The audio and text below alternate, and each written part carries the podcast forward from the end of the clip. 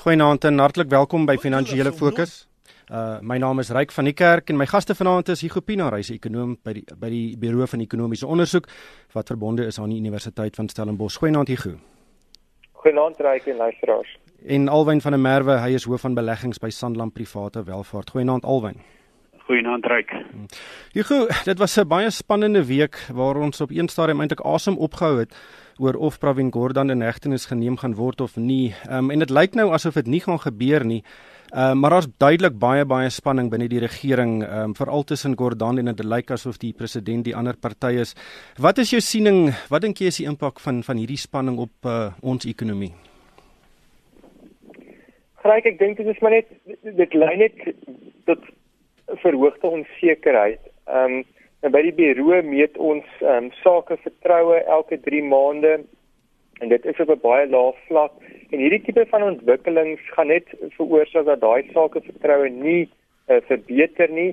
En dit het deurvloei effekte in in goed soos privaat investering. Met as as die sake sektor nie vertroue het jy gaan nie investeer in die ekonomie nie. En en byvoorbeeld iets soos indiensneming. Ehm um, so ek dink met daar's ander faktore natuurlik ook maar hierdie politieke onsekerheid beteken net dat die regering nie in staat is om om die sogenaamde strukturele hervormings te doen wat wat moet gedoen word nie want die want weet hulle is heeltyd besig om om vure dood te slaan of of binne gevegte te hê. Ehm um, so ons kom net op 'n punt waar waar waar die goed wat gedoen moet word om om hierdie land beter te laat groei.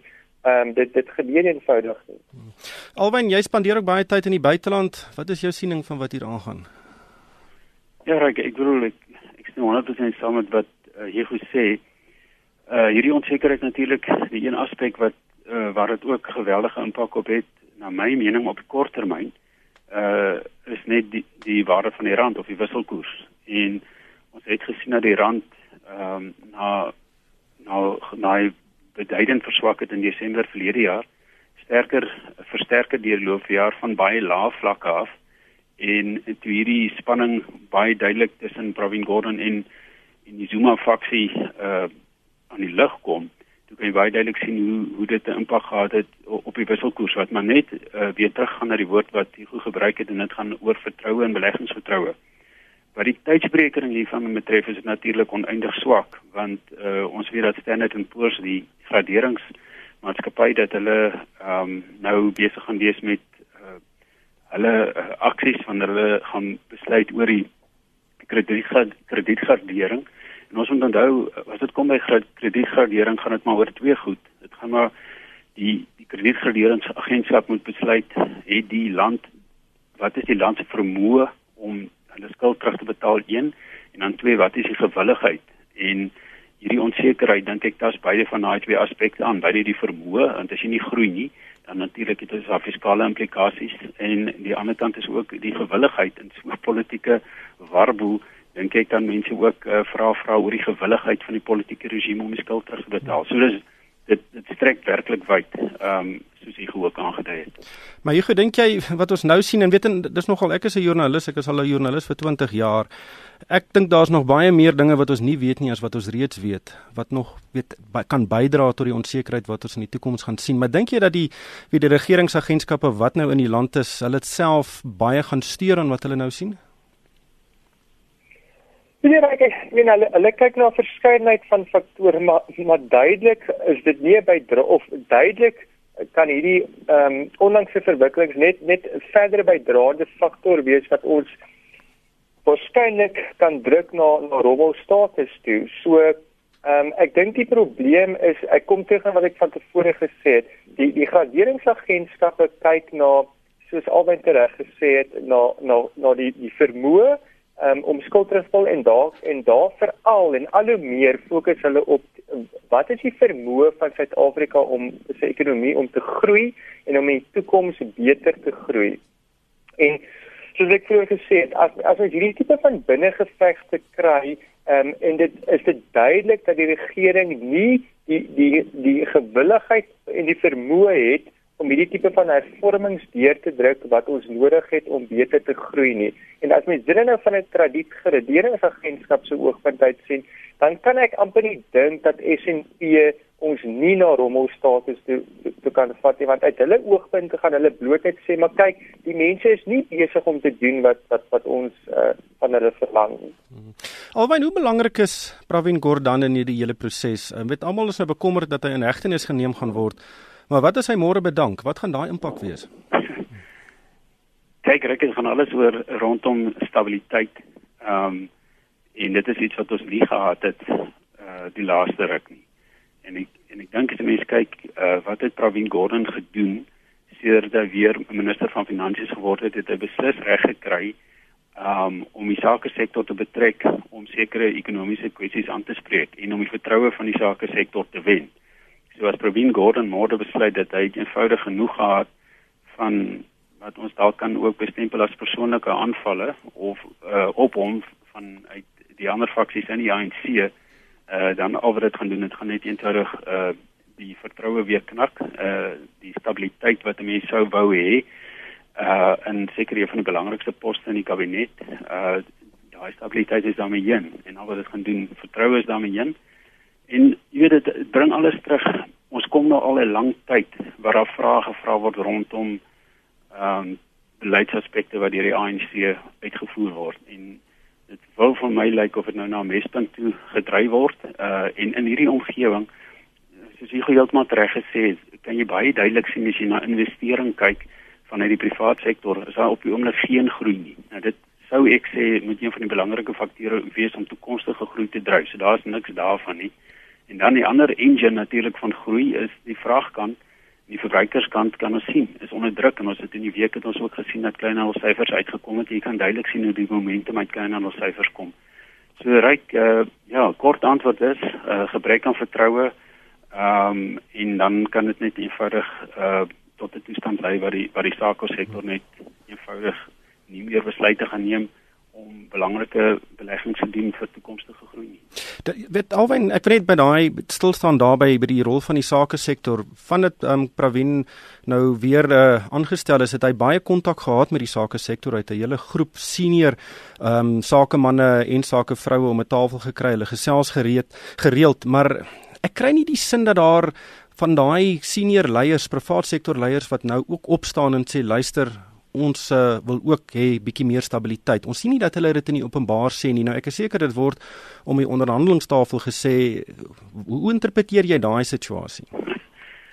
Ja, reik ek het 'n bietjie meer insaag dink ek en en en ek dink mense baie ek dink die sake sektor is baie versigtig om polities um nie totaal onsensitief op te tree nie. So wat hulle doen is ek dink hulle is heeltemal bereid om hulle denke te deel. Hulle is heeltemal bereid om met planne vorendag te kom hoe jy sekere praktiese aspekte kan aanspreek, maar ek dink ook nie hulle gaan noodwendig al hulle aksies aan die groot klok hang nie. So ek dink die feit dat dit nie so sterk in die openbaar plaasvind, ek dink ek nie ons moet ons moet die pogings en die insette wat van die sake sektor afkom, moet ons onderskat nie. Hmm.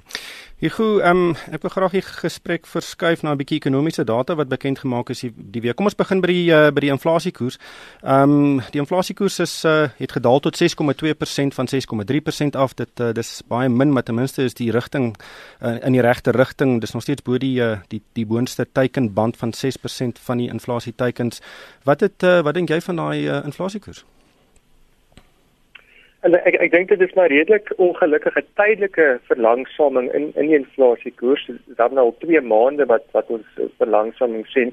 Maar ek dink dit was redelik te wagte weens ehm um, uh, tegniese basiseffekte ehm um, van van laas jaar. Ehm um, maar ek dink as mens kyk na van die onderliggende tendense ehm um, ry veral in terme van voedselpryse is dit eintlik redelik negatief. So voedselpryse het in Maart maand meer as 11% jaar op jaar uh, toegeneem op 'n maand op maand basis. Ehm um, met ander woorde April teenoor Maart hierdie jaar was ook 'n baie groot stygings. Of jy 'n idee te gee, iets soos vrugte en groentepryse het met meer as 5% maand op maand uh, toegeneem en die verwagting van die Reserwebank ook, hoewel ek dink hulle is dalk bietjie te konservatief in hulle verwagting, is dat hierdie voedselprysinflasie verder um, gaan toeneem in in in die res van die jaar. Dan moet mens ook onthou dat die rand, soos ons almal weet, het nou die laaste ruk ehm um, verder verswak en baie belangrik is dat die olieprys natuurlik um, aan die aan die styg is uh, die laaste ruk. So mens mens moet verwag dat die petrolprys in die volgende paar maande ehm um, verder kan styg. So al hierdie tipe van faktore sê sê vir ons dat inflasie in die tweede helfte van die jaar eh, weer is dis in lyn met die Reserwebank se eie verwagting wat hulle ook hierdie week uh, bekend gemaak het uh dat inflasie hier nader aan 7.5% waarskynlik teen die einde van die jaar uh, kan styg. Dink jy ons kan nog vir jare rentekoersverhoging verwag? Kyk, ek dink dit hang baie af van van wat in die res van die wêreld gebeur en veral wat die Amerikaners doen met met hulle rentekoerse. Die rede hoekom ek dit sê is dat dit ons ons weet in die in die verlede dat wat met daai rentekoers gebeur het het 'n impak op op ontleikende mark uh, uh bateklasse en veral iets soos die die rand en ons staatseffek um koerse kan, kan nogal negatief uh, beïnvloed word deur um Amerikaanse rentekoersverhogings en natuurlik soos ek reeds gesê die swakker rand het dan nou inflasie impakte. So jy weet die kort antwoord is ek dink ehm um, waarskynlik kan ons nog 25 tot 100 basispunt uh, verhoging kry. Ons eie gevoel is dat dit net 25 basispunte kan wees. So ek dink ja, ehm um, miskien nog matige verhogings, maar ek dink die belangrike punt is dat ehm um, ons dink ons is baie naby aan aan die hoogtepunt van ehm um, ons rentekoerssiklus en een van die redes daarvoor is dat hoewel ek nou gesê die inflasiekoers gaan waarskynlik nog redelik skerp styg teen die einde van die jaar, as mens 'n bietjie verder kyk na volgende jaar, weet jy teen die tweede helfte van volgende jaar, um, is die verwagting dat inflasie weer tot onder die die 6% band uh, kan kan beweeg. En natuurlik ons ekonomie ekonomiese groei is, is so swak dat ek dink die Reserwebank baie versigtig is en ons het dit hierdie week gesien um, om nie te aggressief uh, met rentekoersverhogings uh, om hier weg te gaan. Ja, ek stem uh, 100% saam met jou. Ek het uh, toe Letsetja Kanyago nou sy uh, toespraak na die monetêre beleidskomitee vergadering gelewer het, uh, alwyn het ek nogal aan sy na sy lyfstaal gekyk en ek moet sê mense kan sien hy is bekommerd veral toe hy gesê het dat die uh, die die groeikoers vir jaar gaan weet 0,6% wees, volgende jaar 1,3%.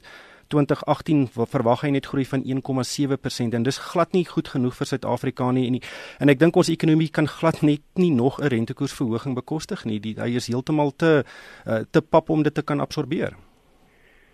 Ja, dit is, baie interessant as jy die heel eerste sin ehm um, van die toespraak van Leslie Jakanyahu sê hy baie duidelik dat dit 'n moeilike besluit omdat hulle die dilemma het van hoër inflasie en dan natuurlik uh, baie baie pap ekonomiese groei en soos jy heeltemal reg sê in die verslag wys hulle ook daarop ehm um, dat hulle nog hulle groeikoers verder afgeskaal het of die verwagting van groeikoers en as baie min as ek die lelike woord mag gebruik katalisators wat vir my lyk wat noodwendig die groeikoers ehm um, 'n stewige groeikoers kan ontsluit. Een, ons het gepraat oor die minder vertroue, ons praat van van swak verbruiksbesteding, ons het gepraat van onwilligheid van die private sektor om om te belê.